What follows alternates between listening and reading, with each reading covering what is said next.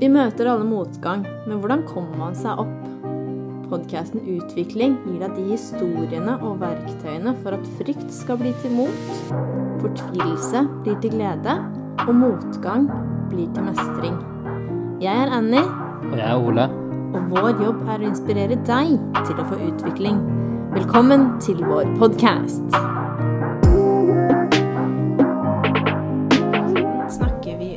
Moritz, som forteller sin historie om veien ut av spiseforstyrrelser. Og dette er hans personlige erfaringer om hva som hjalp han, og hvordan andre utenfor bør forholde seg til en som er syk.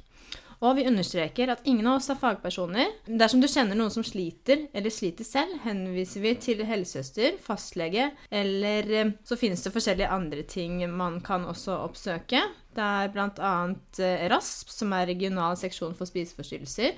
Tipset også Moritz oss om et sted som man kan oppsøke på nettet, som heter ROS som har rådgivning om spiseforstyrrelser. De har også en eh, chat. Der kan man også skrive til de på, på nett. Mm, vi legger jo inn linkene nede, så hvis det er noe du føler du trenger, så bare gjerne se på det. I dag så lagde jeg sånn derre Dalgona-kaffe til han Ole.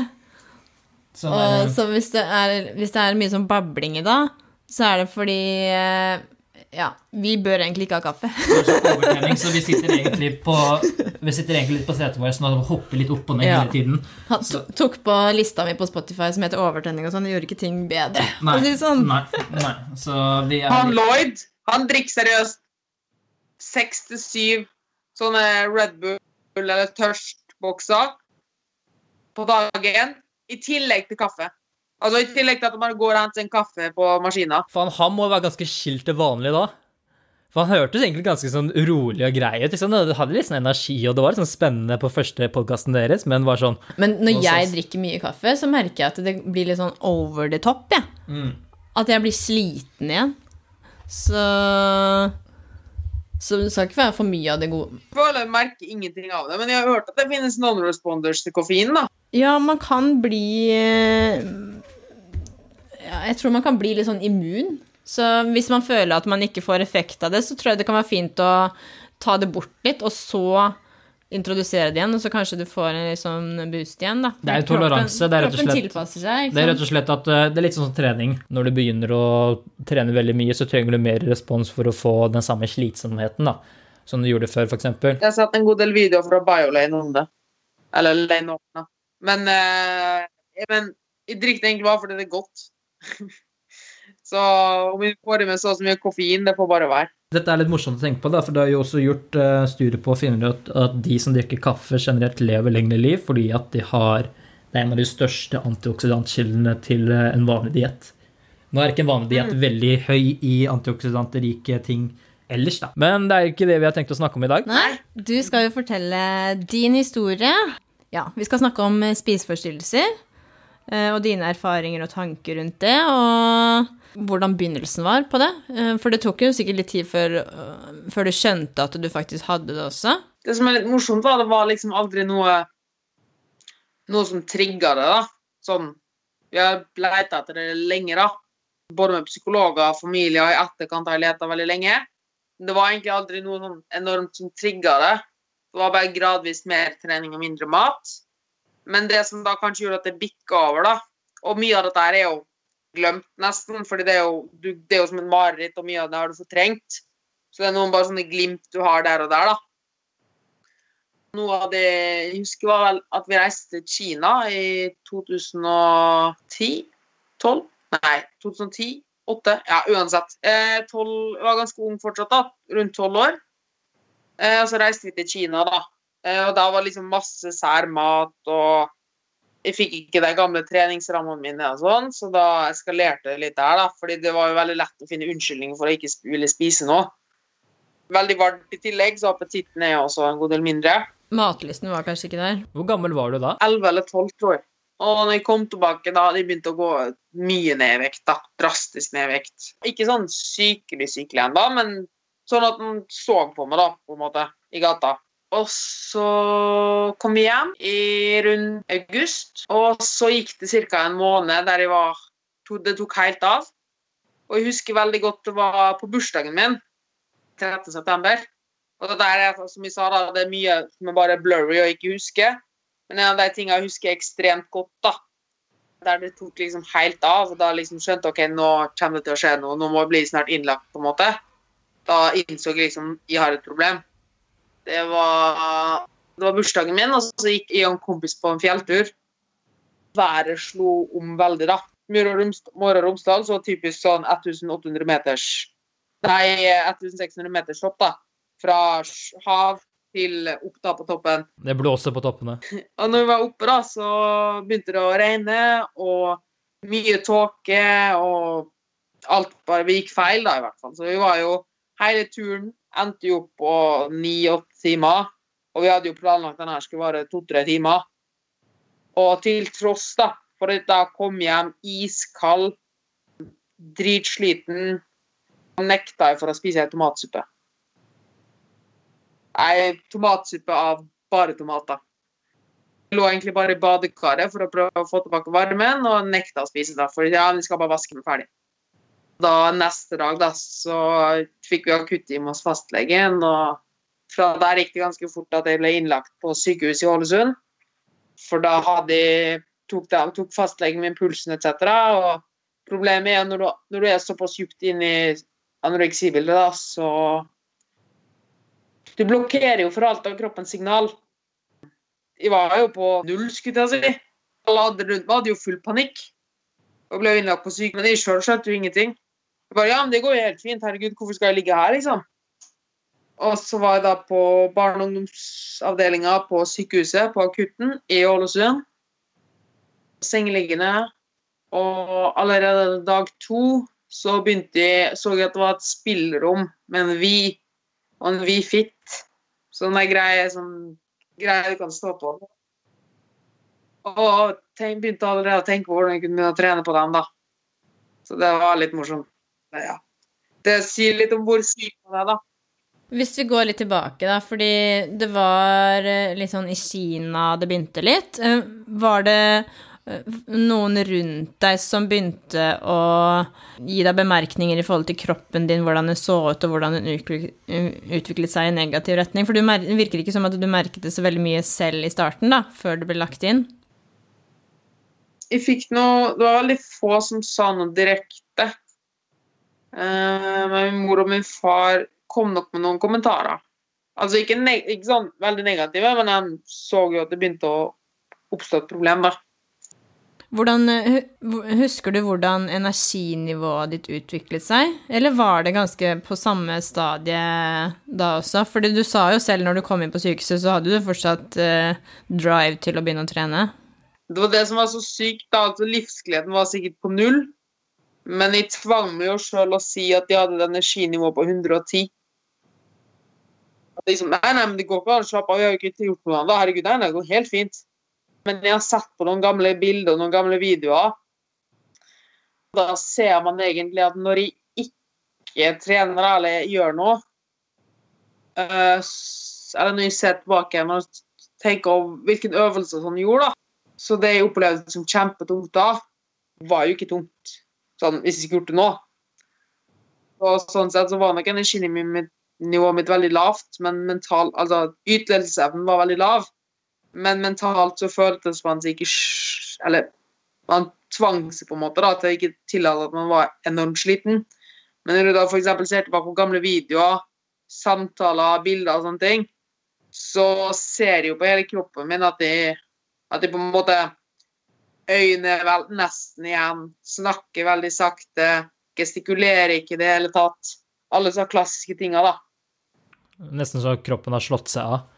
Og det, ja. jeg syns det er ganske spennende det du sier, for at uh, som regel er ikke dette her noe som uh, Det kan at man ser liksom at man skjønner at det er et problem, at det er liksom vendepunktet hvor man begynner å ta hjelp, da.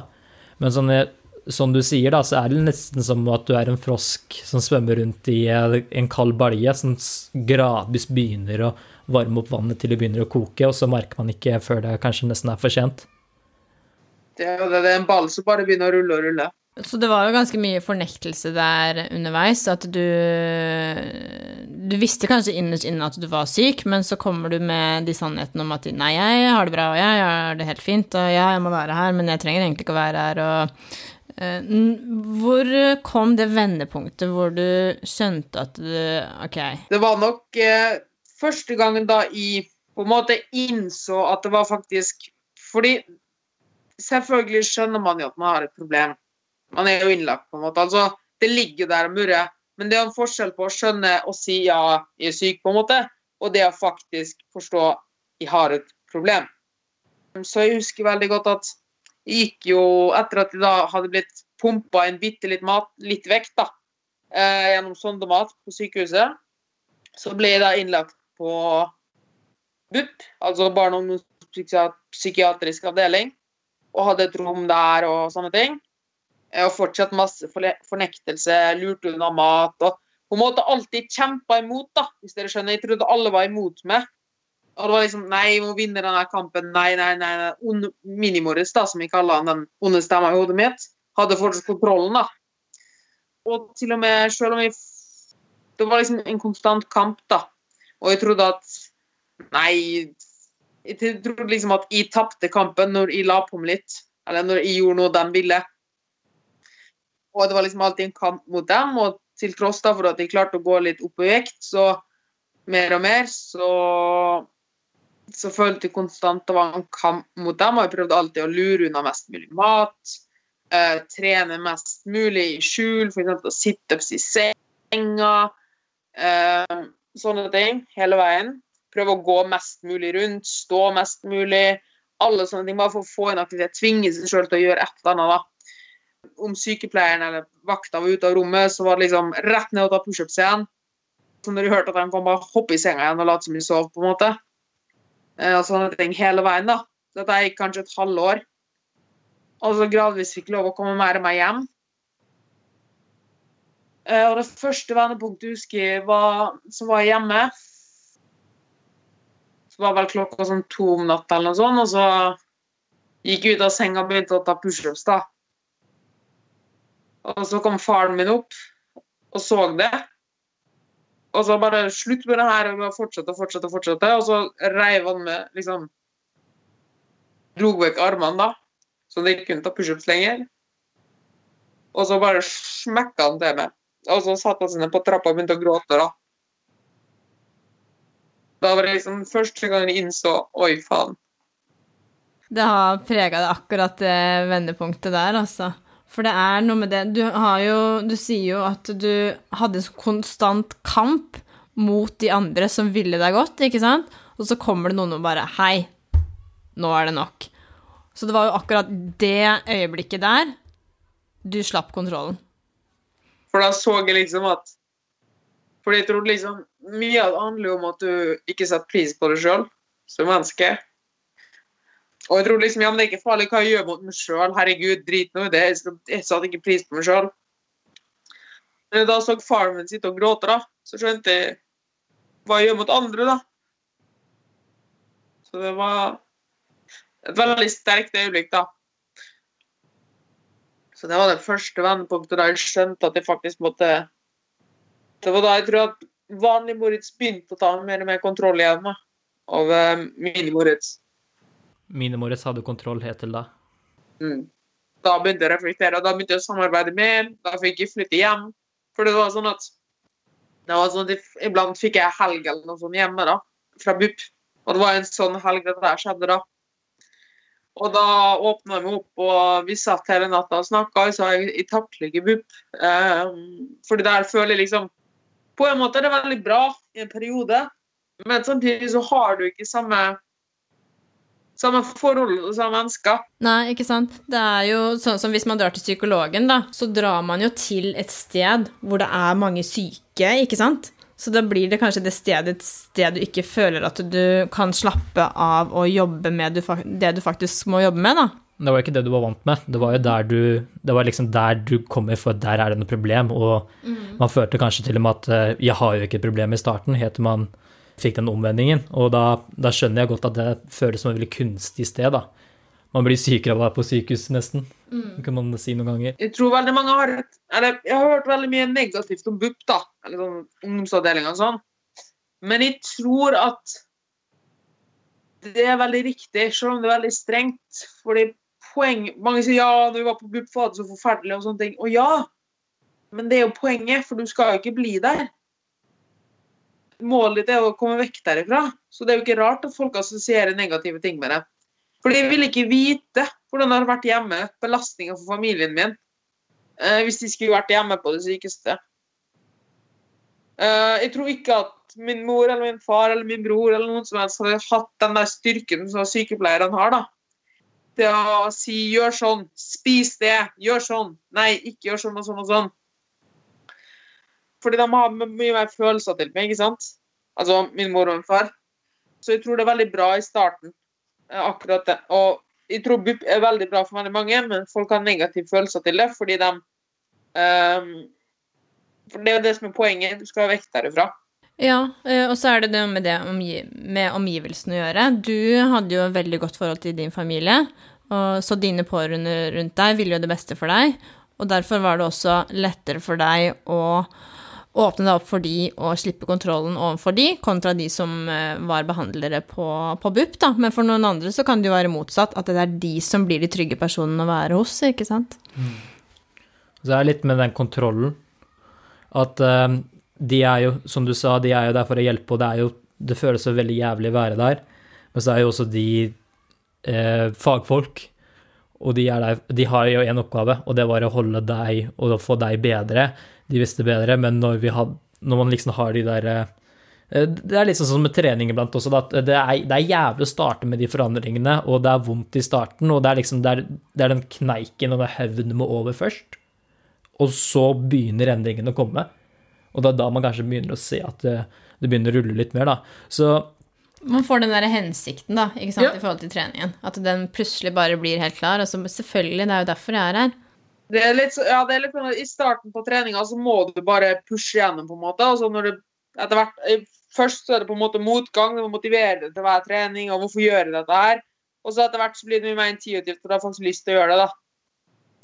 Sånn, har du noen tanker rundt uh, hvordan du kom deg over den kneika i forhold til uh, når du var på BUP, og når det, du fikk det vende, etter du fikk det vendepunktet, da, og du begynte kanskje å gjøre endringene, da. Hvordan var det du begynte å kjempe deg opp igjen fra det?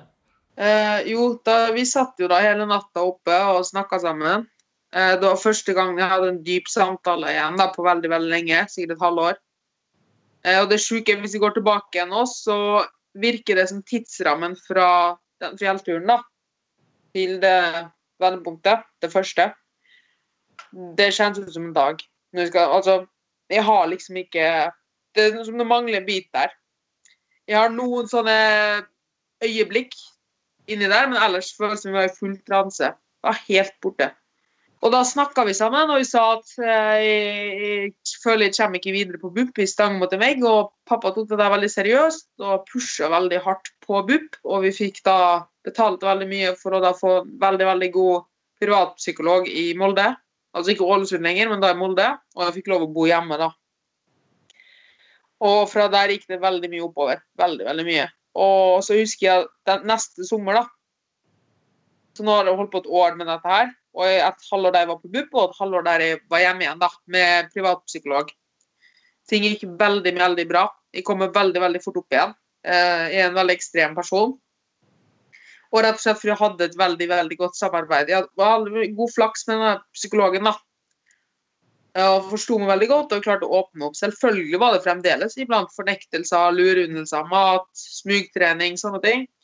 Men det ble mye mindre og mindre og mindre, og jeg fikk en dårlig samvittighet når jeg gjorde så tinga overfor dem jeg gjorde det for, og overfor Moritz. da. Men det er jo ikke så, Mini-Moritz vant jo kampen fortsatt iblant, men det var mye mindre av det. da. Og jeg hadde en dårlig følelse når jeg lot Mini-Moritz slippe til. Fordi min, med Minimoris, da mener du altså den eh, du var når du var syk? Ja, den onde stemma. Eh, det er veldig rart. Jeg tror nesten at andre Jeg har hørt snakka veldig mange som har slitt med spiseforstyrrelser. Og veldig mange driver og snakker om det med at de har en stemme nummer to. da. Så jeg tror det innebærer litt bipolar lidelse i tillegg. Mm. Litt sånn på eh, litt hodet, styggen på ryggen, da, som man hører litt om. At, jeg tror nok alle har en litt sånn stemme, men man Det er noe med det å la den ta kontroll eller ikke, da. Og ta kontroll over den. Man finner den eh, personen eh, Man finner personen som faktisk vil deg godt, og så etter hvert så finner man litt videre hvor man skal gå. Mm. Og så husker jeg at det var et veldig stort høydepunkt. Eh, Vi jobba da sammen et år. Altså nå har det gått ett og et halvt år. Er jo alltid rimelig bedre og bedre og bedre. da. Du og psykologen. Men, så, ja. Men det siste halvåret så Og jeg fikk lov å begynne på skolen igjen. Altså Da var jeg i 9. og 10. klasse. Og i starten var det gradvis halve skoledager, og sånne ting, men etter hvert hele skoledager. da. Så jeg husker var et veldig stort skifte i starten av 10. klasse, eller slutten av 9., jeg husker ikke. Da fikk jeg lov å ta en tur til Tyskland sammen med familien. Uh, endelig ut og reise igjen, da. Og da er det jo helt nye rammer igjen, ikke sant. Vi var i et stort familiehus hos min bestemor, og hun har et stort speil da, eh, på soverommet sitt. Sånn helkroppsspeil. Og det er jo helt nye rammer, fordi når du ser det i speilene dine hjemme, så er du jo vant til hvordan du ser ut i det speilet. ikke sant? Du lager et bilde i hodet.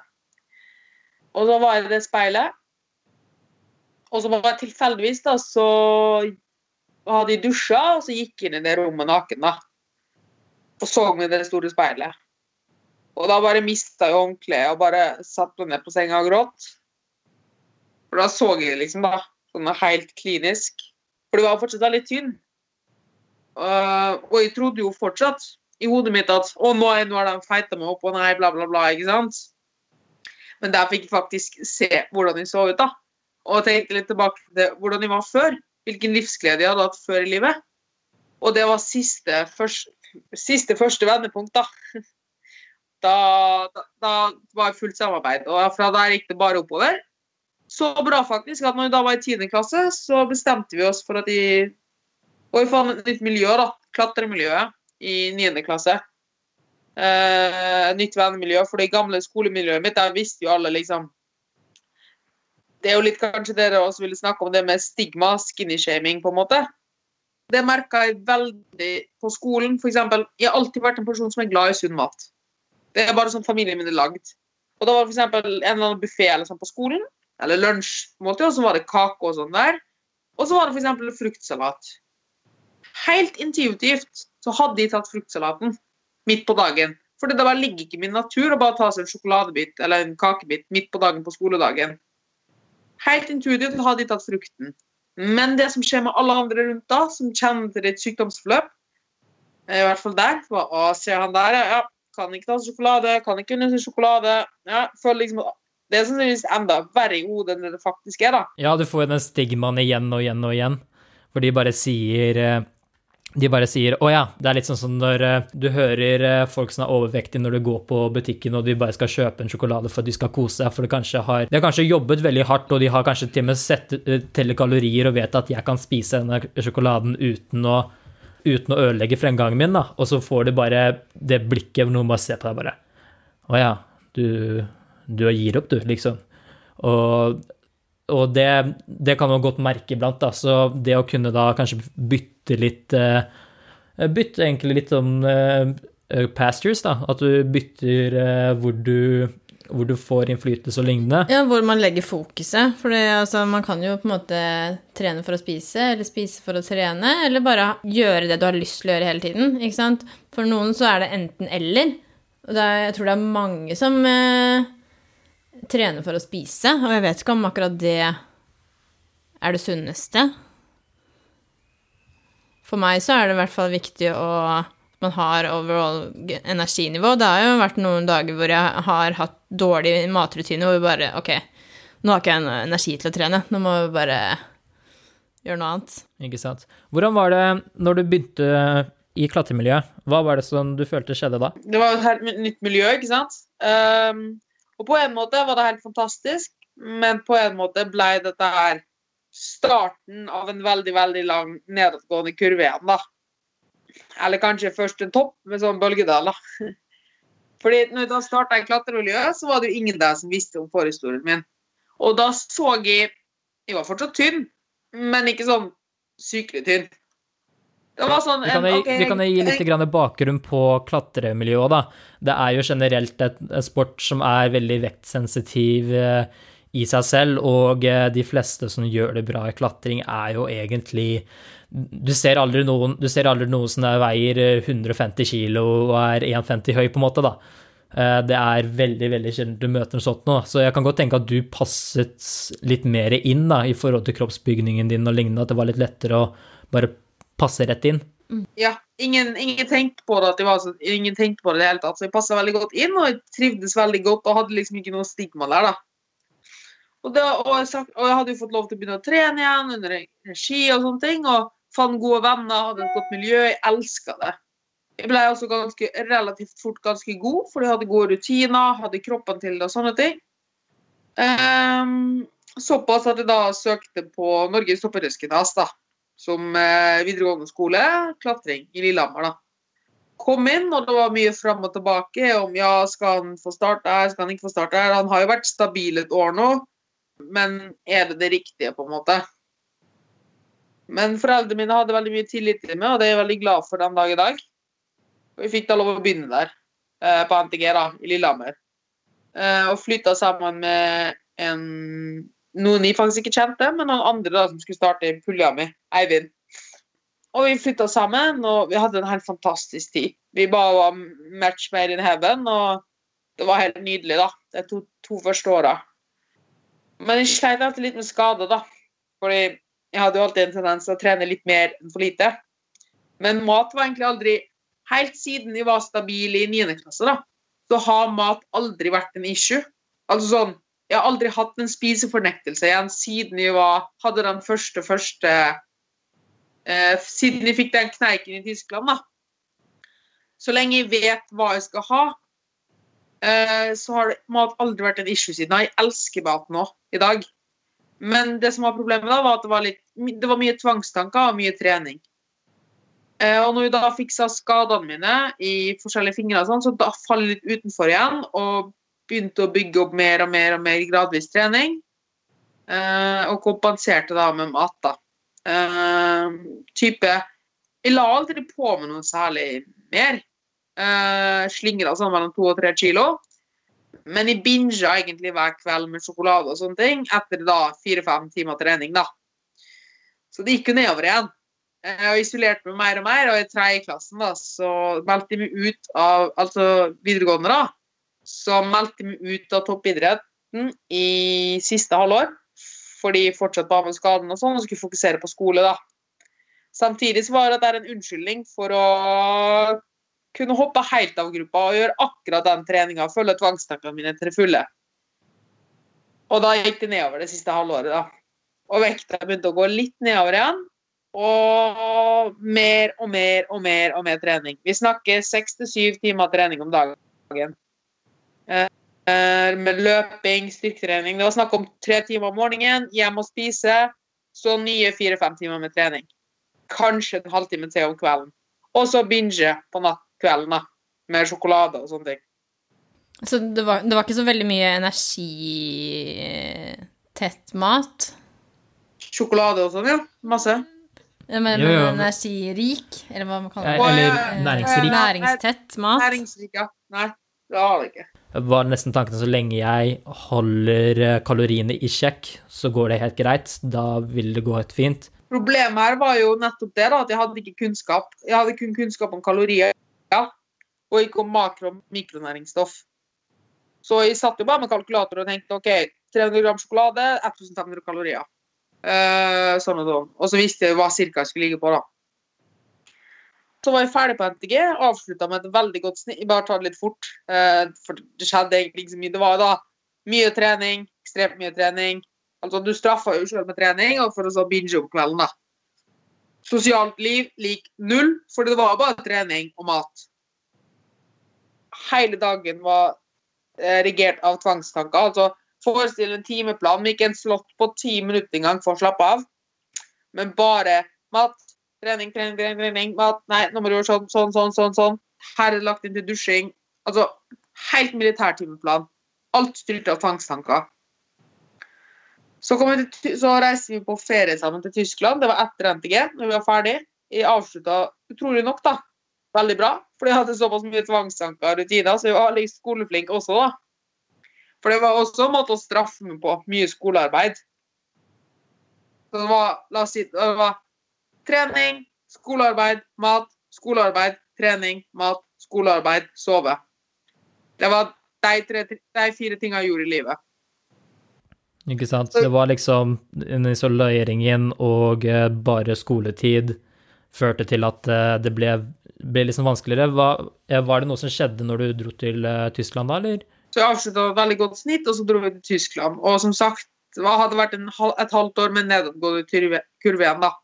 Ja, tilbakefall. Ja.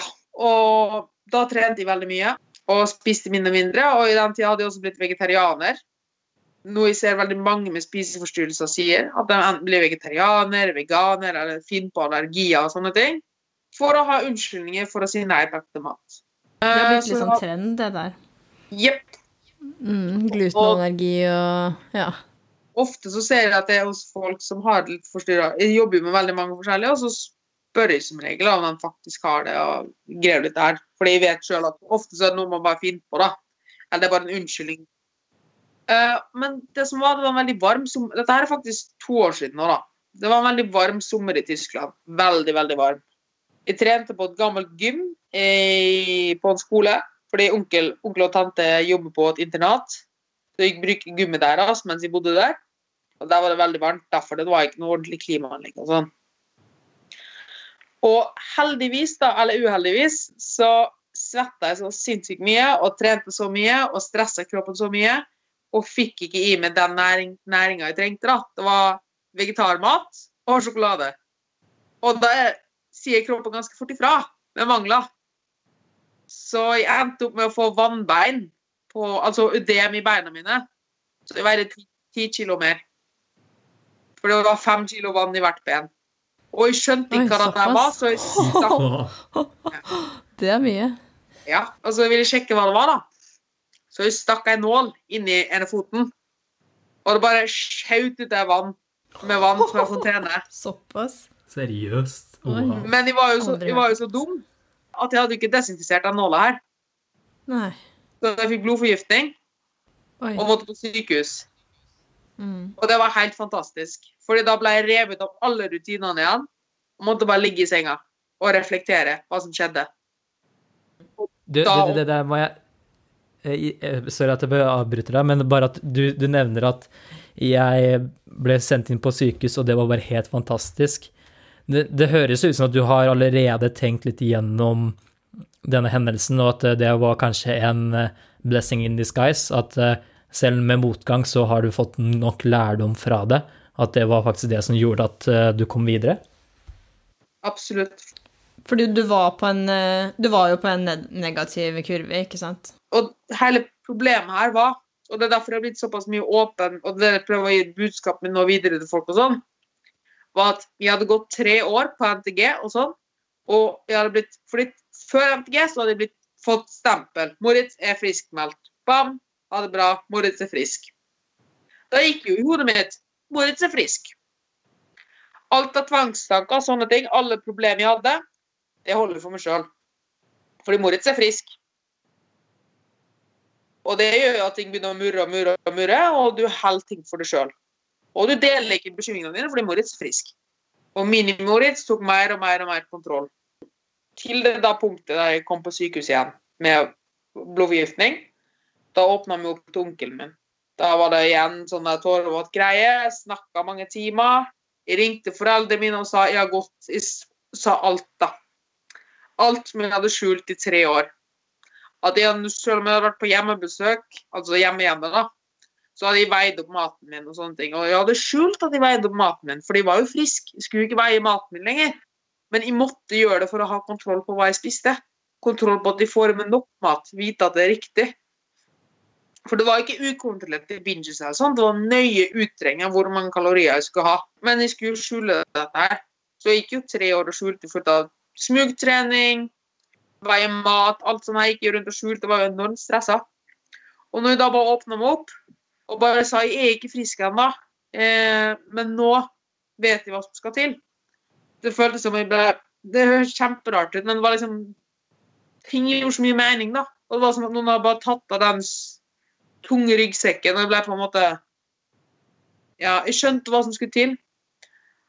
Og jeg skjønte at jeg kan ikke undertrykke Mini-Moritz, fordi hvis de bare latt han snakke for seg sjøl, og jeg ikke ser hva han gjør, så vil han bare finne på ting og bli større og sterkere og sterkere.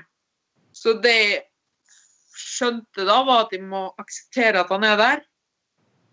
Jeg må se hva han gjør, for å kunne jobbe imot han. For de må se sånn kjempeteit, da, men de må se hva fienden gjør for å kunne forsvare mot han. Hvis de bare, hvis de bare slukker lyset og bare lar dem holde på, eller bare ser en annen vei, så kommer han og knivstikker med en eller annen gang. For det er noe med å ha kontroll over den, eh, den ryggsekken, da. Og jeg tenker også at det er, det er, mange som når man får en sånn diagnose, uh, uansett hva det er egentlig, at man kanskje skal være litt forsiktig med den friskmeldingen. Fordi da kan det bli en ekstra skam igjen hvis man får de der tilbakefallene, da. For da blir det fornektelse, ikke sant? Uh, hva gjør du konkret i hodet ditt av tanker for å styre de når du kjenner at det kommer litt sånn tilbakefall som, Eller ting som kan gjøre at du får tilbakefall? Jeg tror det er veldig Det er veldig personlig på person, person til person. Men hos meg så er det nok det at jeg, akkurat nå så er jeg helt bevisst på å skille mellom Mini-Moritz og Moritz, hvem som er hvem. Det jeg vet at er helt greit at han er der. Han vil alltid være der. Uh, og så vet jeg at jeg, jeg, kan ikke vinne hver kamp. Ikke sant? Jeg kan ikke, La oss ta et veldig enkel analogi. da. La oss si du har uh, fire Du har Du har en mur og så har du, du har x antall folk du kan bruke til å beskytte, beskytte muren din, da, eller landsbyen på andre sida. Hvis fienden sender to menn på ene siden av muren som begynner å slå med hendene på en solid steinmur, så sender du ikke alle mennene dine dit. Du bare lar dem holde på. Og sånn er det litt med når vi skal kontrollere minimums også, at han angriper meg fra mange steder. Um, men det, iblant så bare lar jeg ham vinne, for det har ikke noe å si. Og det er det å finne den balansen med er vits, hvor er det vits å ta en kamp. For jeg tror veldig mange blir litt sånn overvelda over hvis de da begynner å lytte til følelsene sine, tror at de må fikse alt med en gang. Men det er ikke sånn. Jeg velger meg alltid én ting som jeg vil jobbe med, og jobber med den, da. For eksempel Det er veldig smart. Mm. Det er veldig smart. Det virker som at du har funnet en måte å ikke bli overvelda av uh av Mini-Moritz. Og det er jo liksom som vi snakket med, med, Rasmus om i episoden hans også, at det er å la følelsene komme. Ikke sant? Og selv om det er kanskje et ødelagt måltid eller en ødelagt dag i forhold til energinivået er der, så er det bare en liten del av det store bildet. Et veldig konkret eksempel da, er eksempel uh, Jeg sliter jo fortsatt mye med tvangstanker. Eller sliter og sliter, da. Men jeg er veldig bevisst på hva som er en tvangstanke, og hva som ikke er en tvangstanke. Jeg må trene. Altså, altså, det vil si Jeg kunne valgt å ikke trene for på en dag, men det krever enormt mye av meg å stå imot. Og hvis de ikke har overskudd den dagen, så kan det gå veldig ille, da. For da begynner ting å snurre og rulle og rulle og rulle. Og det der vet jeg at det er en tvangstanke. Jeg vet at de har hatt dårlig forhold til trening, men de klarer gradvis å steppe det nedover og ta steg for steg for steg. Men samtidig så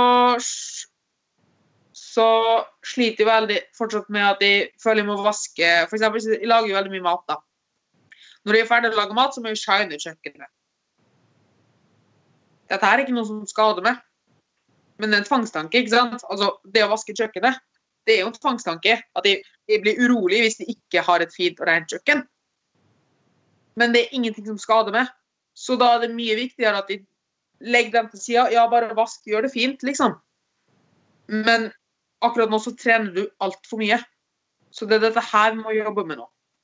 Og da jobber vi med det, og nå har jeg redusert trening med veldig mye og har progresjon igjen. Veldig mye progresjon.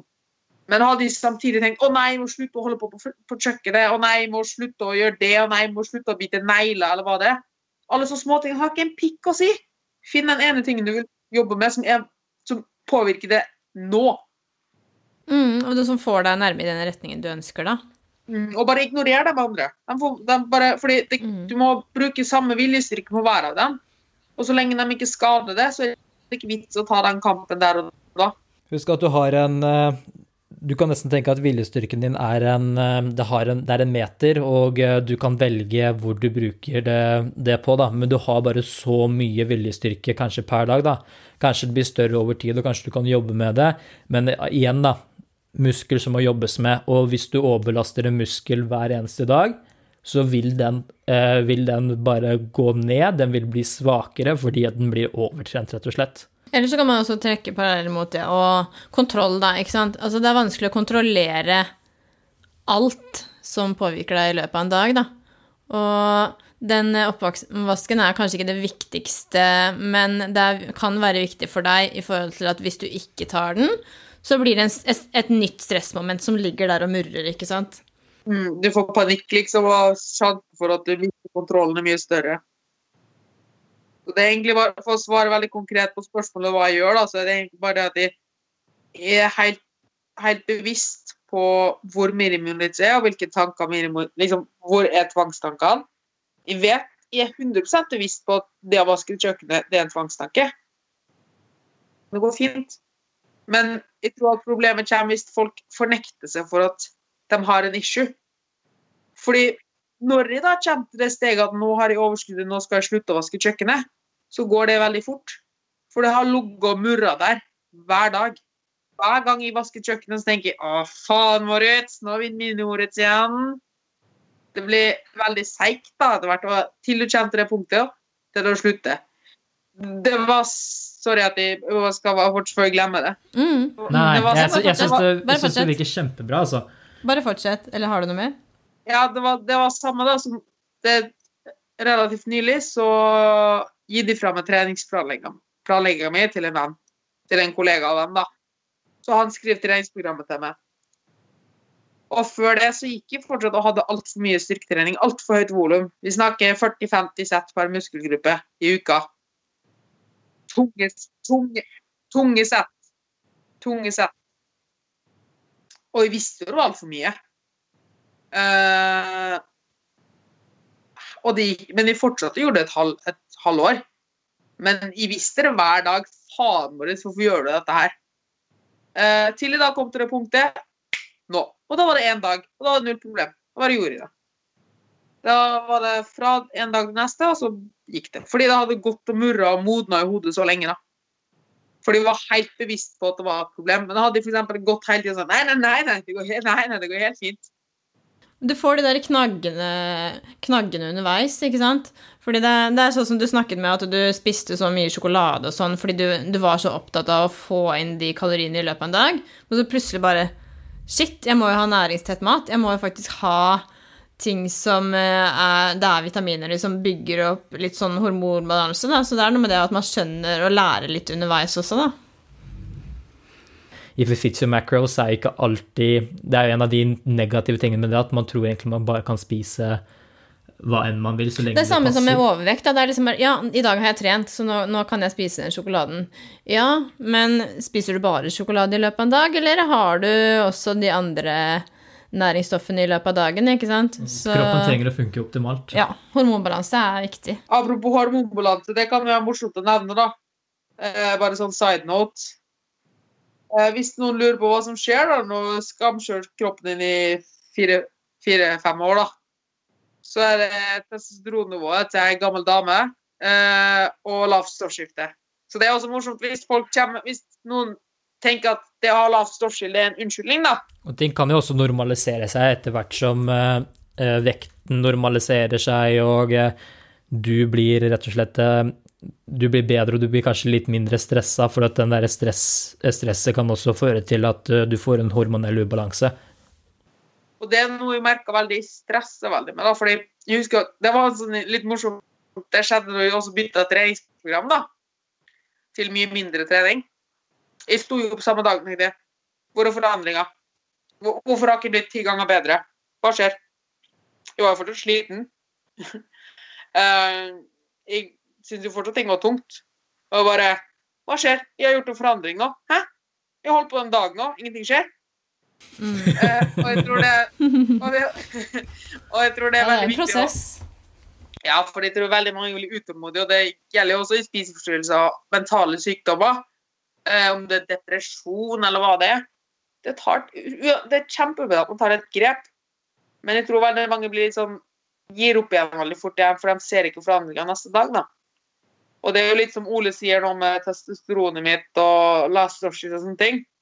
Det her kommer til å ta år, men jeg merker det hvis jeg ser tilbake et halvår, for eksempel, da, så ser jeg med en gang ting har blitt mye bedre. Men det tar ekstremt lang tid. Jeg ser det veldig godt, for jeg hadde jo uh, Jeg gjorde en test, for jeg merker veldig Jeg kjenner meg veldig godt i den der med at uh, du tar At treningen tar litt mer overhånd, og du blir veldig psyko på hvor mye du skal spise og lignende. For det var det som skjedde med meg når jeg begynte med kaloritelling, at jeg gikk litt for langt enn det som var uh, sunt. Så jeg, jeg var jo da Jeg studerte jeg hadde kjørt idrettsstudiet på Høgskolen i Lillehammer, og jeg var med et, eh, i et forsøk hvor de skulle da teste trening, trening og vitamintilskudd, jeg tror vitamin D, på testosteronnivå, da. Og så, Jeg ble jo så nysgjerrig, for jeg hadde jo lyst til å bare gjøre det for å sjekke hva testosteronnivået mitt var. Og så fant jeg ut at det lå omtrent normalt når jeg begynte, men pga. de tingene at jeg hadde jeg stressa så mye over at jeg måtte trene nok, ikke spise for mye, var, hver dag så var det sånn Å, herregud, jeg spiste for mye en dag, og øh, så burde jeg spise mindre enn andre dagen og lignende. Så jeg hoppa veldig mye opp og ned i forbruket mitt. Og jeg var så stressa at eh, hormonprofilen min gikk ned. Mens alle Og jeg var jo til og med på supplement som skulle teoretisk øke mitt, eh, min hormo, mine hormoner. Og det syns jeg var litt morsomt å tenke på, for at jeg teknisk sett ødela den studien med at jeg selv var så usikker på meg selv, og jeg De stresshormonene ja, ja, rett og slett. Jeg, jeg, brukte så mye tid. Jeg brukte jo Jeg gikk jo syv timer lange turer eh, for bare å kunne forbrenne nok kalorier til å spise litt mer. Eller bekvitt, bekvitt de kaloriene jeg eh, hadde overspist dagen før. Mm. Og det gikk jo utover nattesøvnen min og alt mulig. Og det er så eh, gøy å tenke at eh, når jeg først begynte å få mer kontroll over det her, og jeg begynte å bli mer avslappet til det, til forholdet med mat, så begynte eh, Jeg gjorde det faktisk samme som deg. Jeg, jeg fikk meg personlig trener og dems uh, trenings... Og lot dem ta seg av treningsprogrammeringen. Så det betydde at jeg hadde ikke noe valg annet enn å gjøre det PT-en min sa.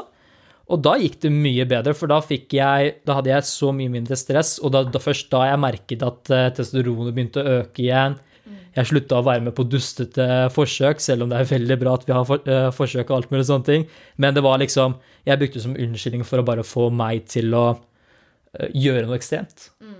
Uh, ja, altså vi jobber jo med trening alle tre her nå, og det er jo det der med å sette Ha alt i balanse, da, ikke sant? Man kan gjøre alt riktig i forhold til trening og kosthold, men så har du dårlig søvn, og stressnivået er helt oppe i taket, ikke sant?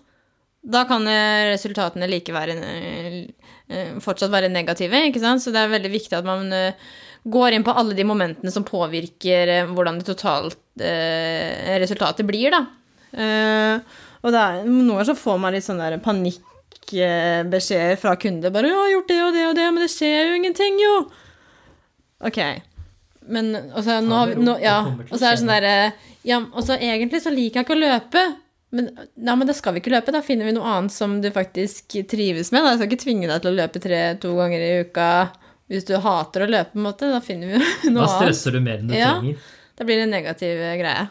Veldig mange kan ta fra seg videre fra både min og Ole sin historie. og nettopp det at Bare fordi noe er optimalt for de sannsynligvis, så bare, Eller bare fordi noe er optimalt, eller noe man bør gjøre sånn og sånn, så betyr jo ikke det at det er best for din del. Og liksom det å få alt perfekt, men det skyter du ofte bare sjøl i foten. Det er så ekstreme som du snakker om, da. Ja, ja, det er, det er litt det, den beste trenings, den beste treningsprogrammet og den beste, beste rep range for ditten og datten og. Du vil gjerne ha det fasitsvaret, men ja, det er men, altså, Fasitsvaret fins ikke, for hvis Nei. du eh, For til syvende og slutt, det beste treningsprogrammet gjort, uh, gjort, to, uh, gjort annenhver gang, eller nesten ikke i det hele tatt, er så mye dårligere enn et suboptimalt program gjort hele tiden. Som er tilpassa deg. Og jeg tror at veldig mange undervurderer den stressfaktoren, hvor viktig det er.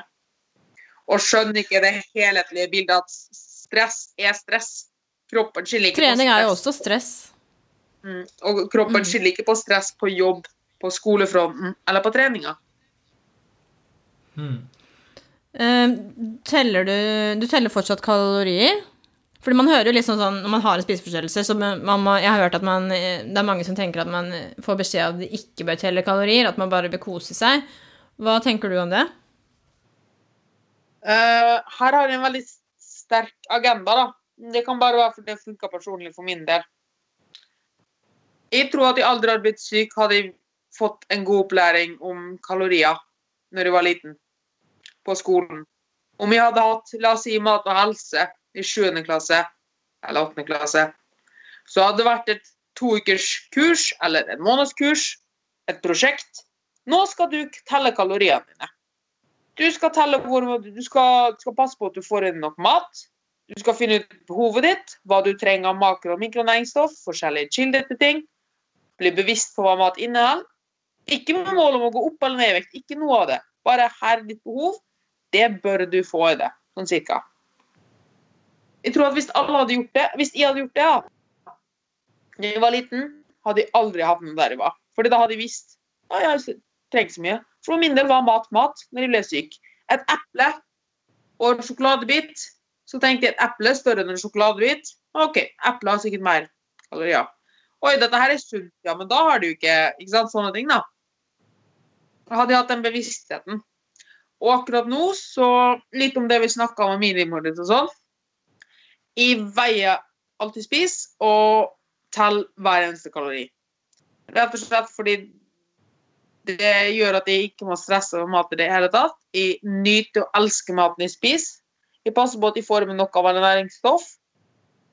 Og har vært ekstremt, sånn sett veldig avslappa forhold til mat.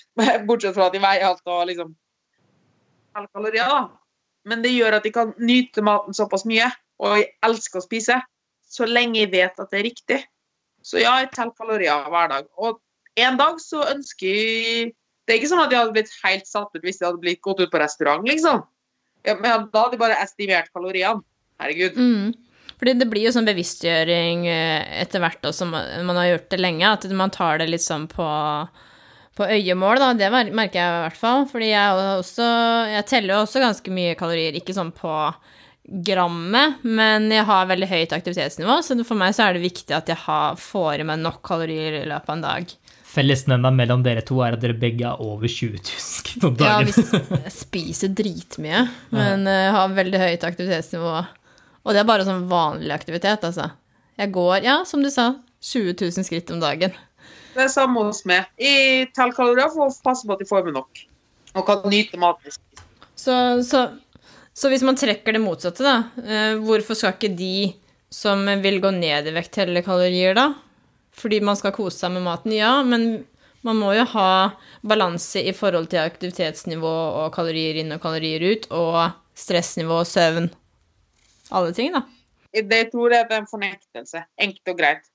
For hvis du, hvis du teller kalorier Det er kanskje litt slemt å si, vet ikke. Men i forhold til hvis jeg syns ikke det, fordi det er, for det er litt med det at uh, uh, Sånn som jeg har sett med mine kunder, da, så er det sånn uh, Hvis jeg skal kartlegge kostholdet, da, så er det noe som de kanskje tror er sunt, da. For eksempel nøtter.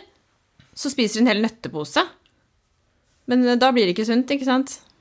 Det er jo mange som ikke tenker over at nøtter faktisk inneholder eh, kan inneholde like mye eller mer kalorier enn en sjokolade Eller Big Mac.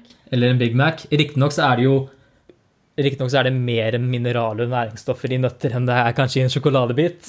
Eh, men når det kommer til de tingene, da, så er det litt sånn at vi må fortsatt kalle en spade for en spade uansett hva det er. Jeg tror det mest av alt handler om fornekt... Eller vi- uansett hvilken vei det går, da. For min del så var det det Jeg fornekta f.eks. på trening at jeg hadde et problem der. Og det gjorde at jeg aldri fikk gjort noe med det.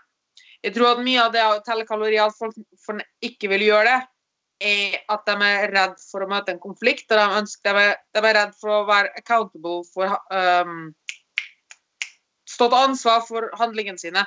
Hvis du teller kalorier, så er det du som har ansvar. Det er kun du som sitter på styret, det er du som har ansvar. Da får man et bevis sant, på at man ikke er i riktig retning, kanskje, hvis man finner, teller i kaloriene. da. Hvis du er på en eller annen diett, f.eks. lavkarb Ikke at lavkarb eller keto, eller noe sånt, men si du er på keto da, og teller ikke kalorier i det hele tatt, og så går du ikke ned i vekt. Da må du ikke skylde på det sjøl. Da kan du bare si ja, men det var ketodietten som ikke funka for meg. Mm. Ikke sant? For det er jo liksom det at uh, Nå snakker vi veldig mye om trening og kost og eh, kalorier, da, men jeg tror det er egentlig en veldig fin ting som vi kan nesten hamre inn. da. Selv om du har Selv om du ikke tør å lese, telle kalorier, og du har eh, begynt å gjøre det, og du merker 'å, faen, hva er det som skjer her nå', jeg trodde jeg spiste noe helt annet. Du er ikke et verre menneske selv om du trodde du gjorde feil. Jeg teller feil masse. Jeg må gå tilbake og telle for å få å komme tilbake på til, eh, til hvor jeg er, da. Jeg må vite hvor jeg er, men jeg vet ikke Jeg kan ikke måle eller endre ting jeg ikke har peiling på. Derfor er det så viktig at jeg tar og gjør disse tingene, at jeg leter gjennom, at jeg finner ut hvor mye kalorier jeg bruker når jeg uh, Når jeg trener så mye som fem ganger i uka, eller når jeg bare trener tre ganger i uka, eksempel. Det er et eksempel for meg nå. Det er jo ingen, ikke noe feil med noe som helst diett hvis den gjør at du, det er enklere for deg å begrense kaloriene dine. Hvis målet er vektnedgang, f.eks. Det er jo et fint verktøy. Men om du men kalorier vil alltid telle, uansett om du spiser lavkarbo, keto eller hva det er. Uh, og jeg tror det handler veldig mye om Det er jo nettopp det å bare ta ansvar sjøl, da. Og det var noe jeg merket, det er noe jeg har merka veldig, veldig mye gjennom hele prosessen min, er nettopp det at det er kun én person som står i veien for deg sjøl, og det er du sjøl. Uh, og, og det sier jeg til meg sjøl så ofte at jeg tenker sånn Å, jeg har lyst til å gjøre sånn og sånn, og sånn. Så tenker jeg men hva er det som forhindrer at du gjør det? Jo, det er faktisk bare du sjøl. og liksom at det var det å forstå at nei, det er ikke Berit sin skyld. Nei, det er ikke uh, karbohydrat sin skyld. Nei, det er ikke Ola sin skyld. Nei, det er ikke skylden på at det er dårlig vær. Det er kun du sjøl. Det eneste som står i veien, er du sjøl.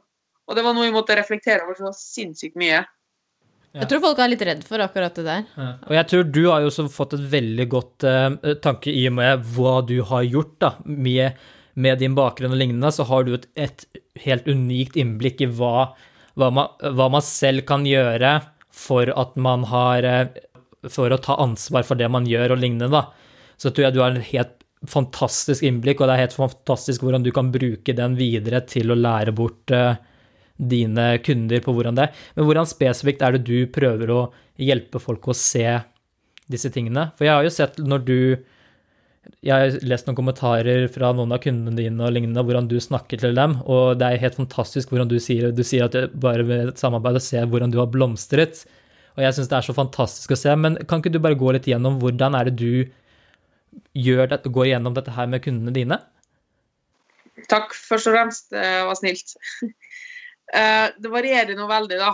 Uh, jeg vil nok aldri bare bråse i låvedøra på noen og bare sånn der eh, Jeg vet ikke om jeg har sett The Shining? Han fyren som kommer med øks. Ja. Det er aldri sånn, på en måte. Uh, men som regel så bare starter jeg å snakke med dem og sier at alt er lov å snakke om, og bla, bla, bla. bla, bla og, dem, og det er jo klassisk, ikke sant? Det sier jo alle. Men så har jo den fordelen at de har en veldig tung forhistorie, og begynner å snakke om dem, da. Bare sånn helt tilfeldig. Sånn helt ved siden av. Ikke noe stort eller noe sånt. Ikke sånn, i det ikke som er i sentrum, bare nevner det. Og de skjønner Oi, det går helt fint å snakke om sånne ting, ja. OK. Um, jeg hater smalltalk, og jeg har jo helt elendige sosiale egenskaper. Så jeg kommer jo bare rett inn på sånne teite temaer. Og jeg kan bare si Jeg kan si så mye dumt. Alt som liksom er tabubelagt, da. Fra spiseforstyrrelser, fra at de pelte meg i nesa, at de spiste en busemann. Alle sånne ting. At de datt i dusjen. Det er bare ting jeg sier, for de har ingen sånne tabuer.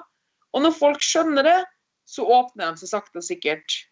Og når de, hvis noen, og, og hvis de da ser at de har det for dårlig, da, så spør jeg har du det bra. Og da ser du veldig fort om det faktisk om de har det bra eller ikke. Og de skjønner veldig fort at det går helt fint å snakke med Moritz om sånne ting.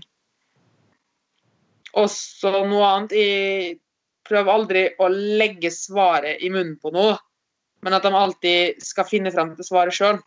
Så sjøl om jeg kanskje vet i anførselstegn svaret, eller hva som er i anførselstegn riktig, så prøver jeg aldri å si det til dem, men jeg vil at de skal finne det ut sjøl. Et strålende eksempel er jeg har en kunde som har gått på lavkarbo i åtte år for å prøve å gå ned i vekt, jojo-slanker. Og så fortalte jeg om kaloritelling og sånne ting, og at karbohydrat ikke er farlig, og bare fortalte egentlig. Og så kom hun til meg en dag og sa du, jeg kan jo spise sinnssykt mye potet og bli kjempevett. Og bare ja, det stemmer. Veldig bra observert. Fordi de må finne ut av ting sjøl for å få det eierskapet til ting. da. Mm. Det er Så det er egentlig bare det det handler om, at de, at de må finne veien sjøl, og jeg liksom bare dytter dem litt i rett retning. da. Liksom Hvis de kommer litt av sporet, så kommer vi litt fra sidelinja og prøver å dytte litt inn på retninga igjen. Mm. Ja, for vi jobber jo med endringsprosesser hver eneste dag, og det er jo mye enklere for eh, oss som team, eh, du og kunden, å jobbe med en endring når man kommer i dybden på ting, da. Absolutt. Ta rota med problem. Nei, ta problemet ved rota. Men ikke bare bare bråsiden, liksom. Ta det, at man må liksom bygge opp den tilliten først. Ja, det er nettopp det som du sa, da. Eh, Den tilliten hos deg var jo eh, veldig hos familien din, men også at du var så heldig med den psykologen som eh, du fikk, da. Så det tror jeg også kan tenke, folk kan tenke litt på hvis de er i en eh, prosess hvor de skal ta tak i problemet, at de også eh, prøver å tenke og identifisere når ting ikke funker, da, enten det er en psykolog eller de du åpner det opp mot, at du på en måte ikke kommer noen vei, da, ok, da prøver vi en annen retning. Fordi det finnes flere veier man kan ta for å komme til en, eh, en løsning, da. Og så det er jo, det er jo Alle kan fucke opp. Det er jo null problem å gjøre en feil. Men problemet er hvis du ikke aksepterer at du har gjort en feil, og tar lærdommen ut av det, da. men at du fornekter for det.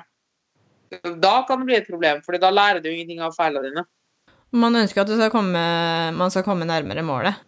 Mm. Det er viktig å ha den kommunikasjonen underveis også, da, om eh, hvordan man føler at eh, ting eh, går.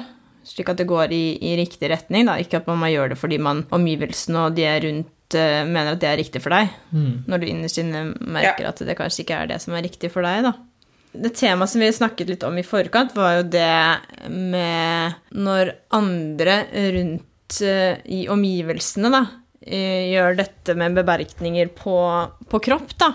Det med skinny shaming, fat shaming og, og sånne ting.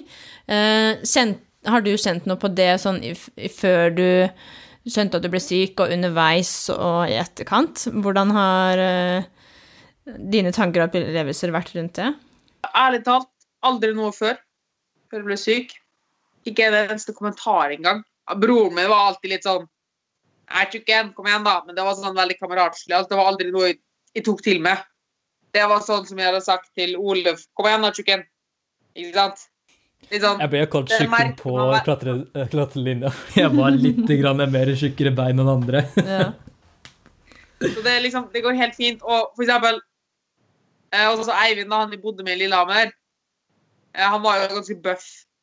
Så jeg kom jo med noen sånn Kom igjen, da, feit, og sånne ting. Så sånne ting har jeg aldri merka. Det som derimot er litt morsomt, er at jeg har merka det veldig mye andre veien, da, når jeg da forandrer det kroppsbildet litt Fordi jeg har jo Jeg føler alltid at hver gang jeg ser meg sjøl og ser at jeg syns jeg ser tynn- ut For det, det gjør jeg konstant. da, Jeg føler jeg ser veldig tynn ut og aldri liksom stor nok. Når jeg ser det, da, så blir jeg minnet på minimor. Og så tenker jeg faen, han vinner fortsatt. Det er jo fortsatt ikke der jeg vil være. Så jeg merker veldig mye den skinny-shamingen, da. Eh, og det er jo litt morsomt at folk ikke Så tenker det er mer det er mot, mer mot Ja. deg sjøl, da, faktisk. Ja, det er også veldig mange kommentarer òg, eh, som folk ikke tenker over, da. Men det som har gjort meg veldig Jeg skal ikke gå inn på dybden på type kommentarer og sånn. Det er ikke sånn veldig Det er sånn Det er bare sånne ting folk ikke tenker over, da. Sånn Vil du ikke ta et kakestykke til, da? Du har jo godt av det, liksom. Sånne ting. Folk mener det ikke slemt. Det samme som vi snakka om i stad. Han, han, han overvektige som tar sånn sjokolade da, på butikken. Uh, han, det kan være at han er fullt bevisst på det, og at han har fortjent den. Mens det jeg har merka meg veldig, er å være uhøytidelig på det. Eh, altså, så jeg at jeg, for eksempel, jeg har veldig lange bein og veldig lange armer, og jeg er fortsatt relativt slank, da. Eh, så, ja, nå skal, spin, eh, nå skal pinnedyret ta knebøy, eksempel. Eller eh, hvis, hvis jeg har sånn tynn, et tynt sted jeg må gjennom, eller et eller annet lite tull. Sånn, Å ja, men det tar jeg. Eh, jeg kommer gjennom her. Og så I Stavanger så blåste det veldig mye, for eksempel, da. Eh, Så da ble jeg si eh, Ruben, da, han er kollega min, sier Ruben, kan du hente to 10 kilos eh, vektskiver til meg? Vi skal hjem. Sånn at det ikke blir bort. Der tror jeg vi er litt sånn forskjellige, for jeg har helt annet bilde på det, faktisk. Og For jeg skjønner ikke helt meningen på hvorfor folk skal drive og komme med de negative kommentarene. og Hva ønsker de å oppnå med det? Og jeg blir, kjenner at jeg oppriktig blir skikkelig lei meg inni meg når man får sånne kommentarer, da. Og i hvert fall hvis det fortsetter på hvorfor de begrunner og hvorfor de sier ting, da. Når jeg sjøl vet at jeg er frisk, og jeg har aldri hatt noen problemer med vekt og har hatt den samme vekten i tolv år, ikke sant? Og godt energinivå, alt av syklus, og alt er bra. Og altså, likevel så bare er det noen som bare kanskje ikke har sett deg på lenge, som bare jeg ser at du har gått ned i vekt, og du ser sjuk ut, og du må spise, du må spise, du må spise, du må spise. Og bare fordi jeg ikke er idealkroppen i, dine, i deres øyne, da. Eh, jeg syns det er ganske utfordrende. Det er jo selvfølgelig mye med hvordan jeg tolker ting også, men eh, jeg tror også folk kan tenke litt på at det faktisk eh, kan trigge noe, da. At det, noe man ikke ser på som et problem, kan bli et problem også, da. Absolutt. Jeg tror, Jeg tror det er lett å komme over det Uh, også, for at uh, man må jo uh, Vi har jo Vi blir kanskje litt irriterte, for vi ser Vi ser noen ganger at de der tankene noen gang sitter, da. Vi, det, vi snakket jo litt grann før Eller det er noen ganger at Litt sånn som når du snakker om en ting, og det repeteres hele tiden, og eh, det trenger nødvendigvis ikke være sant, men repetisjon eh, solidifiserer det. Altså det, det rett og slett det sitter bedre, da. Ting Ja, det gir, emosjonelle reaksjoner. Ikke sant. Så det tror jeg kan være for veldig mange at eh, noen føler seg litt som det. Eh, at noen føler at de kommer til å De kommer inn i det punktet. Og jeg tror veldig mange kjenner seg igjen i det også. Og jeg tror derfor det er så veldig bra at vi nevner det, blant annet, at eh, jeg har jo også et ansvar for hvordan jeg sier ting, da. Eh, For hvordan jeg, hvordan jeg sier ting til en kunde. Det er veldig mye eksempler her, da. Men jeg er veldig bevisst på det, siden at jeg vet at det jeg sier til en kunde, blir en slags realitet for dem. For jeg har kanskje mer eh, mer autoritet, siden vi kan, eh, man kan det. da. Og Derfor er det veldig viktig å tenke på at hvis man får liksom sånn kommentar med at å, du er litt tung, du er litt tung eh, sånn hvis du det, hvis du er en turntrener og du sier det til en av, eh, en av, dine, eh, en av dine elever, da, og da har du en et enorm påvirkningskraft, mye mer enn du tror. da, og Hvis, du, hvis det er en sånn slengkommentar du ikke er bevisst på, så har du litt den derre boom! Hva, hva skjer nå? Det, det, kan være, det kan være en veldig stor del. altså Jeg tror f.eks., eh, sånn som jeg hører med deg, Moritz, at du har jobbet veldig mye rundt det å kanskje eie det, i den forstand at eh, man får det eh, til, da. men det tok jo noen par år også, ikke sant? Det tok eh, Det er rett det jeg tenkte å si, at jeg er nok et litt ekstremt tilfelle her, og veldig trygg på meg sjøl. Og veldig bevisst på egne tanker. Og jeg tenker at det beste man kan gjøre, da, for man kan ikke forandre hele verden på en gang eh, Det beste man kan gjøre helt seg personlig, er å se eh, Gjør i det som står i Altså gjør i sånn som står i sikt med målene mine. Prøv i å leve best mulig liv. For eksempel ta, la han overvektig, da. Eh, la oss si at han spiser godt. Han går gradvis ned i vekt, han trener. Så går han på butikken og tar seg sjokolade. Jeg tror at hvis han har i bakhodet 'jeg gjør alt riktig', så vil det være mye lettere for han å bare gå bort fra det. Vite Drit i om kommentarer og sånn, for jeg driter i seg folk her. Det er idioter. Jeg vet hva jeg gjør, de har null peiling hva jeg gjør. Så lenge du har ditt på det rene, så bare kjør på. Mm. Jeg skjønner Man veldig godt at det, det, det, er vans, det er man har jo liksom, kontrollen selv. ja, at man ikke Det er kjempevanskelig. Men jeg tror det viktigste man kan gjøre, er bare å så lenge du vet at du har ditt på det rene, så må du bare kjøre ditt løp, på en måte. Og ikke konstant høre på andre rundt deg, da. Det er veldig viktig å få input, men jeg tror man kan bli gal hvis man skal følge alt annet. Så det handler jo det om å bli trygg på seg sjøl, da. Og ha noen få støttespillere å snakke med. Altså Grunnen til at folk kommer, er jo Jeg tror nok noen prøver på en måte å fikse andre, på en måte, og vise at de bryr seg med å komme med de kommentarene. Det er jo ikke noe negativt ment, som de sier, da. Men som vi snakket om tidligere Ikke alle er like bevisste på det de sier. Nei, og så svaret ligger uansett hos deg, da. Og det er også, det er også noe det er også noe jeg har lært veldig mye. Jeg var veldig glad i kommentarfelt, og jeg var veldig glad i å prøve å overbevise folk om at de må gjøre sånn og sånn og sånn. Og kverulerte ekstremt mye. Og så kom det bare opp for meg, det lærte jeg faktisk fra Lloyd og Ruben, da, mine kollegaer, er at folk som vil vite noe, de kommer til det. Altså folk som vil ha hjelp til deg, eller folk som vil høre hva du har å si, de kommer til det og hører på det. Hvis du bare skriker ut i skauen, så bruker du kjempemye energi. Men når folk er overbevist om noe allerede, så kommer ikke du som skriver et kommentarfelt, eller du med din kommentar, til å forandre noe. Da hadde vi tenkt at ikke prøve å blande inn i alt overalt. Selvfølgelig iblant så må det til, f.eks. i mitt tilfelle. Hadde jeg ikke fått hjelp, hadde jeg sannsynligvis vært død. Bare for å si det sånn. Men det var du som strakk ut armen og slapp kontrollen? Nettopp. Jeg, jeg, hadde, jeg hadde aldri kommet noe sted hvis det ikke kom fra meg sjøl. Så det, det jeg tror folk kan ta med seg, at hva skal den kommentaren hjelpe? Ta et kakestykke til.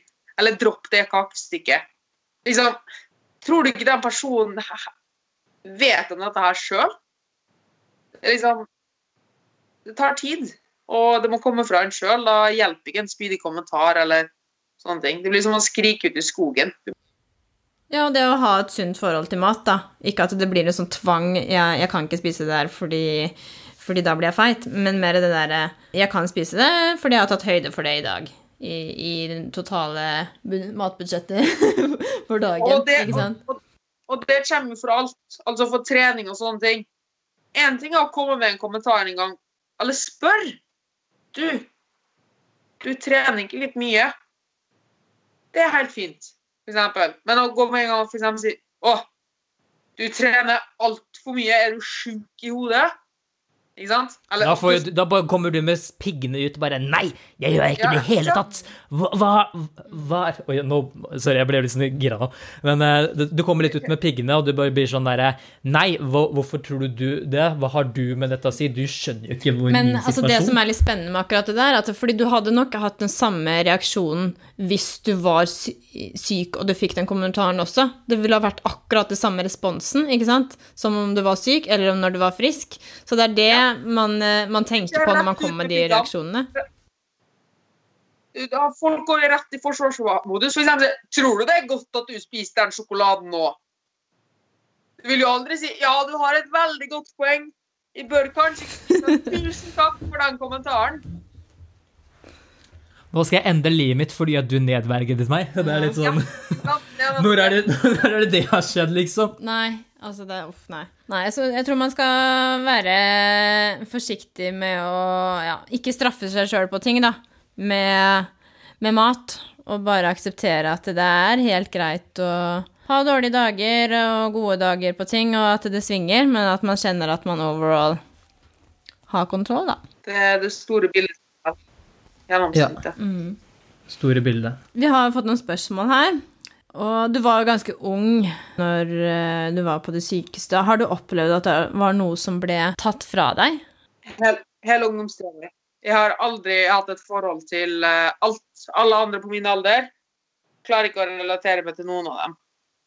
Eh, og det er veldig, det, vi ser veldig ofte, folk bare kommer til meg og Oi, du ser så ung ut, men du er så moden. Jeg ikke få skryte eller noe, så det er sånn Ja, fordi jeg har liksom bare hoppa ti år, på en måte, føler jeg. Jeg har kasta borti meg så mye. bare- Hele puberteten og alt det der. Alt det der kjæreste, sånne ting. Eh, Flørting, crush, alle sånne ting. da, Sånne sosiale vanlige. Ut på fester. Aldri hatt det. Mange er jo redde for å snakke om eh, dette med helse og mental helse og hvordan man egentlig har det. Eh, Hva var viktige tanker du gjorde deg når du skulle finne noen å snakke med og åpne deg opp? Jeg tror det aller viktigste her er å forstå at folk bare vil hjelpe.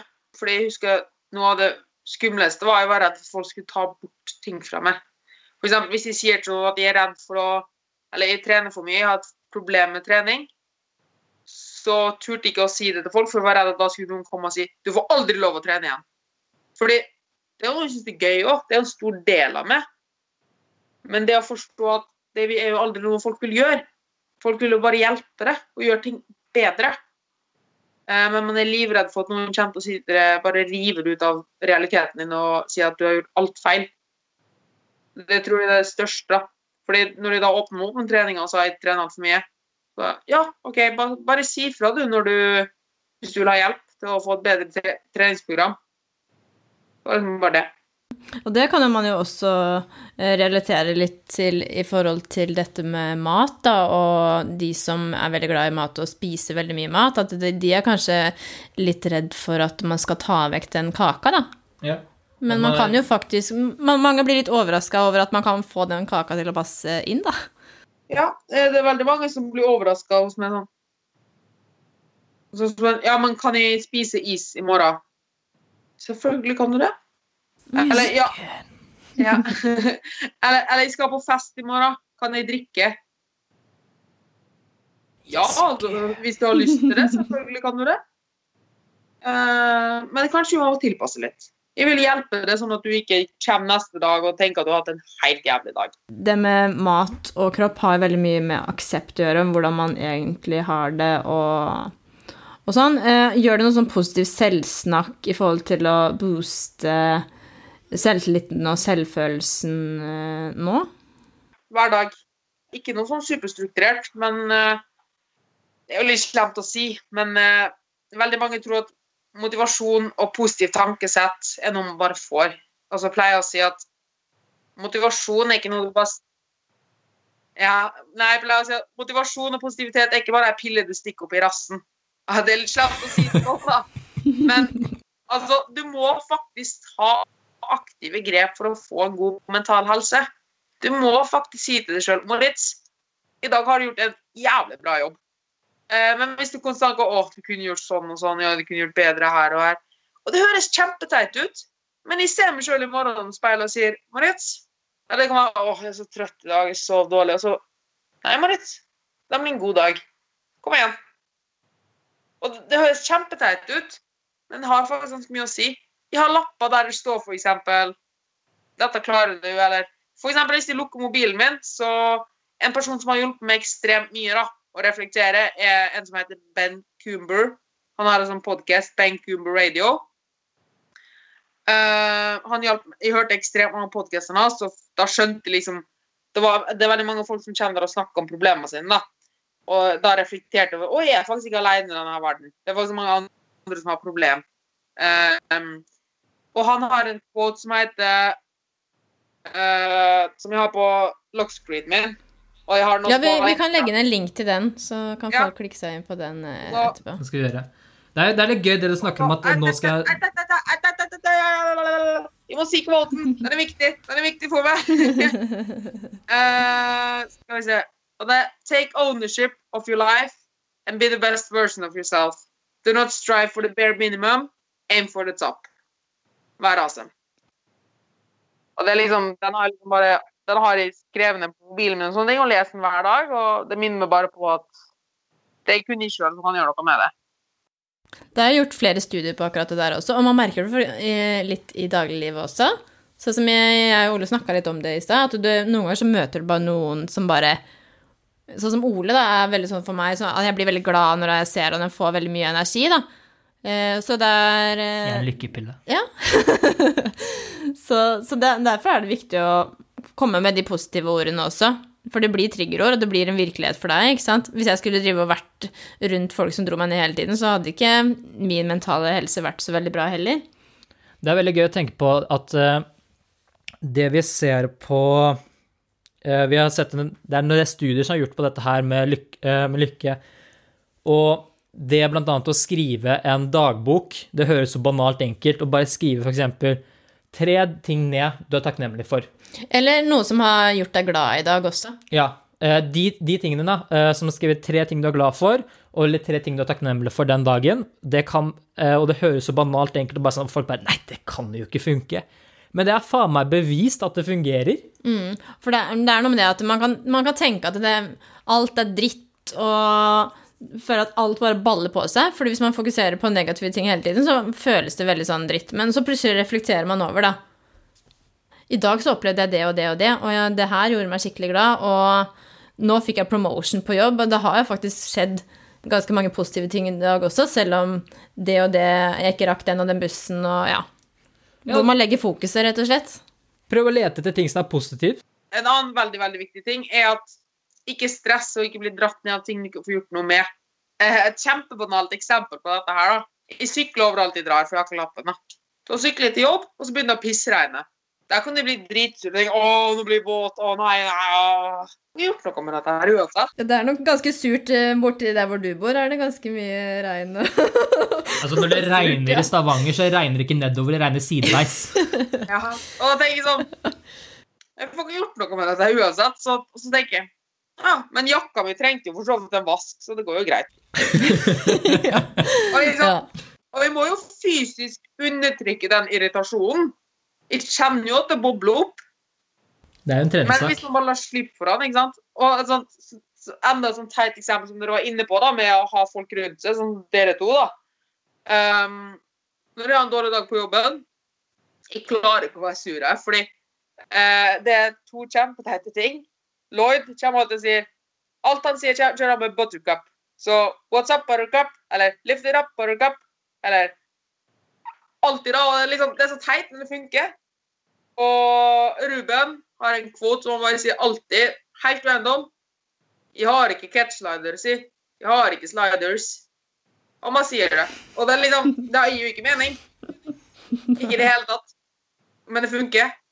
Gjennom hele videregående så gikk jeg rundt og bare sa kake. Eh, og ingen skjønte hvorfor. Jeg skjønte egentlig ikke helt hvorfor heller, men jeg bare sånn det, det var nesten en måte å bare få bryte opp, da, så folk bare sånn Hæ, hva, hva skjedde nå, liksom? Ja,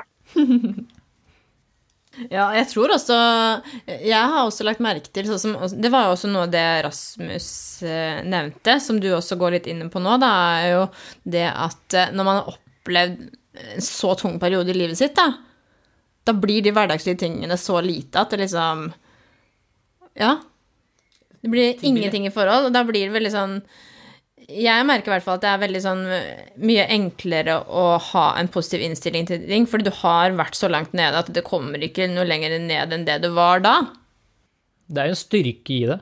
Det er en styrke i å det er en styrke i å ha gått igjennom det du har gjort, selv om det selv om du kanskje ikke på død og liv ville ønske noen skulle oppleve det samme som du gjorde, så er det fortsatt en styrke i det. Det er fortsatt noe positivt, og det positive jeg tenker ofte på, er jo at eh, uansett det, det driten du har gått gjennom nå, det er at om noen par år så kommer du til å se tilbake på det her og bare og Hvis du har riktig innstilling, og du, hvis du setter det opp riktig, så kommer du til å se tilbake her om noen år og bare Fy faen, jeg er så glad for at dette her skjedde. Jeg er så glad for at det skjedde, for nå, nå føler jeg at ting er så mye lettere. Det er sånn der, Jeg elsker denne quoten her.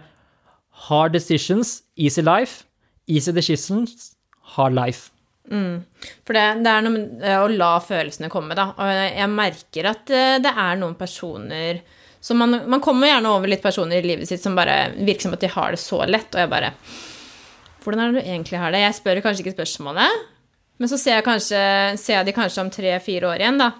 Så har de, ja, må nesten si, endelig fått den smellen som gjorde at de tok tak i ting, da, i livet sitt. Uh, vi har jo noen flere spørsmål her. Og eh, hva vil du si at er den største forskjellen på deg da, når du var syk, kontra nå? At jeg er åpen om alt. At jeg skjønner at jeg går At jeg, er fortsatt syk. Jeg kommer alltid til å være syk. Eh, men det går helt fint. Jeg skal ikke være som andre. Tror du det er vanskeligere for gutter å ha en slik lidelse, eller å åpne seg opp sånn som du har gjort? For det var jo sikkert noen gutter der når du var til behandling, og liksom Hvordan følte du at det har vært, og vært for andre som har vært i lignende situasjon, hvis du har snakket noe med andre om det? Jeg tror nok det er vanskelig å ta alle over en kam. Eh, Det jeg kanskje legger merke til, er at jenter er veldig mye flinkere til å snakke om følelser, men det blir litt for mye. At det viktige drukner litt. At alt blir litt sånn Å, å, å. Mens for eksempel, jeg sa at vi snakka med min far, ikke sant? Da Det er veldig sjelden vi snakker om følelser. Men hvis vi da gjør det, da, da, er, det, da er det ordentlig, liksom. Da er det ja, ordentlig. Så jeg tror at det blir Jeg tror det er veldig mye Det er veldig vanskelig å si, men jeg tror at menn er enten front, eller så går de inn på det. Mens kvinner er litt mer late som, da, hvis du skjønner. Uh, det, men jeg tror at det egentlig er li, veien er like tung for begge to, da. Bare at det er litt fra forskjellige ståsted. Ja, kanskje kvinner syns litt mer synd på seg sjøl og ønsker litt mer den omsorgen der, da. Å, dette kommer til å få backlash. Men jeg gleder meg til. Ja. Men det, det, det er noe med dem som hører også. Man ønsker å legge den sannheten man vil til det. Og det fins ikke noe fasitsvar på mental helse og hvordan man tenker om ting. Det er jo rett og slett oppfatninger. Da. Selvfølgelig så finnes det noen som har eh, en annen mening om dette her og lignende, men eh, jeg tror faktisk det er eh, Generelt basis så tror jeg det er ganske mye riktig i det du sier også. At man har At menn generelt snakker lite om følelser, men når det kommer følelser, så er det kanskje ganske tunge følelser. Det er sikkert noe som har tynget lenge, da, så det bare brytes ut. Man, tar, man kan ta det litt tilbake til uh, savannen, da. Når man kriga. Man skulle liksom være så stor og sterk. Og da, det ligger nok litt sånn latent igjen på akkurat dette med menn, da. At man vil ikke vise at man er følsom, fordi da er man svak, da. Vi skal være stoiske, vi skal være, vi skal være store og sterke, og vi skal være Han er tauste Gutter griner ikke, liksom. Vi gjør det. Ja. Vi gjør det. Vi bare tør ikke å innrømme det. Jeg mener jo at en sunn kropp er en kropp som har energi øh, og overskudd til å gjøre hverdagslige ting. Sånn som å gå på butikken, gå gå en trapp, bære ting hjem fra butikken, løfte ting i høyskapet og sånne ting. Hva er en sunn øh, kropp øh, for deg? En kropp som ikke begrenser deg i hverdagen, og som ikke har helse... Jeg mener helt klart det finnes noen parameter vi må følge. Som eh, du er, er du overvektig med 30 kilo, så har Selv om du har det bra Selv om du kanskje føler, sier men jeg har et fint liv, så er du per definisjon ikke sunn. Så det er en bit av det. Du har en økt risiko for diverse sykdommer. Punktum. Det at du har det fint med deg sjøl, det kan godt hende. Men kroppen din er en begrensning for livet ditt. Samme når du er altfor tynn. Du har utsatt risiko for forskjellige ut, eh, sykdommer og sånn. Det er noen ting du ikke kan gjøre. Kroppen din er en begrensning i livet ditt. Så hvis kroppen din ikke er en begrensning i livet ditt, da tror jeg du har en sunn kropp. Jeg syns det var en veldig fantastisk samtale. Du har kommet med veldig mange gode synspunkter. Jeg, eller jeg føler du har en veldig unik måte å fortelle ting på, og du forteller fra et ståpunkt som kanskje gjør at eh, folk tør å komme frem, i og med at du er gutt og har slitt med spiseforstyrrelser, noe som veldig få tør å stå frem med. Og jeg er veldig glad for at vi fikk snakket med deg, og jeg syns det er så tøft av deg å stille opp og snakke om disse tingene her. Vi kan også finne deg på sosiale medier. Eh, ja, du er jo på litt sosiale medier. så Hvis, hvis, vi er jo også det. Eh, men hvis dere har noen spørsmål til oss eller til Moritz, så hvor er det du kan finne deg hen? Eh, hvis det er enkle ting, eller hvis du bare har ha informasjon og sånn, og sånn, så er det bare å ta kontakt på Instagram, på DM, eller kommentar. Jeg har også en god del spørrende der på morimi slash min, understrek mini. Dere linker Ja, sikkert legger til den- shownoten. Da legger vi linken. Ja. Og der er det også tilgang til e-posten min og nettsida til PT-service. Hvis det er noe som brenner veldig, da, eller du vil at jeg skal ta opp Jeg har jo også en liten sånn minipodkast der jeg tar opp folk sine problemer og sånne ting. Eh, så er det bare å sende meg en mail på moritz.ptservice.no. Tusen takk for at du kunne bli med oss. Vi gleder oss til å følge deg videre. Så håper jeg vi ses snart når eh, korona er over. Ja, tusen takk at jeg fikk komme og snakke med dere. Ja, du, bare, Bare. Er på vår side. Som vi nevnte innledningsvis, så er vi ikke fagpersoner på dette her.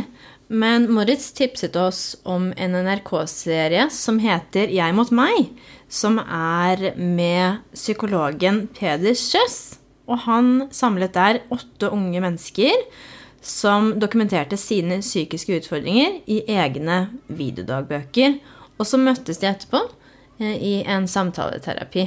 Og det var liksom som Moritz nevnte også når vi snakket, at det var viktig for han og Et viktig vendepunkt for han var nettopp det at eh, han skjønte at det var flere som hadde samme problem som han. Han var ikke alene? Det var viktig for han å faktisk snakke om ting for at han skulle bli bedre. Og hvis du føler du har hatt noen av de lignende problemene, og du vil prøve å gjøre noe med det her Så henviser vi igjen til eh, din fastlege eller eh, andre organisasjoner, som f.eks. ROS, som også kan brukes av pårørende. Mm. Så dette her er viktig. Vi vil at folk skal ha det bra. Mm. Slett. Og utvikle seg. Ja. Det er det dette her handler om. Yes.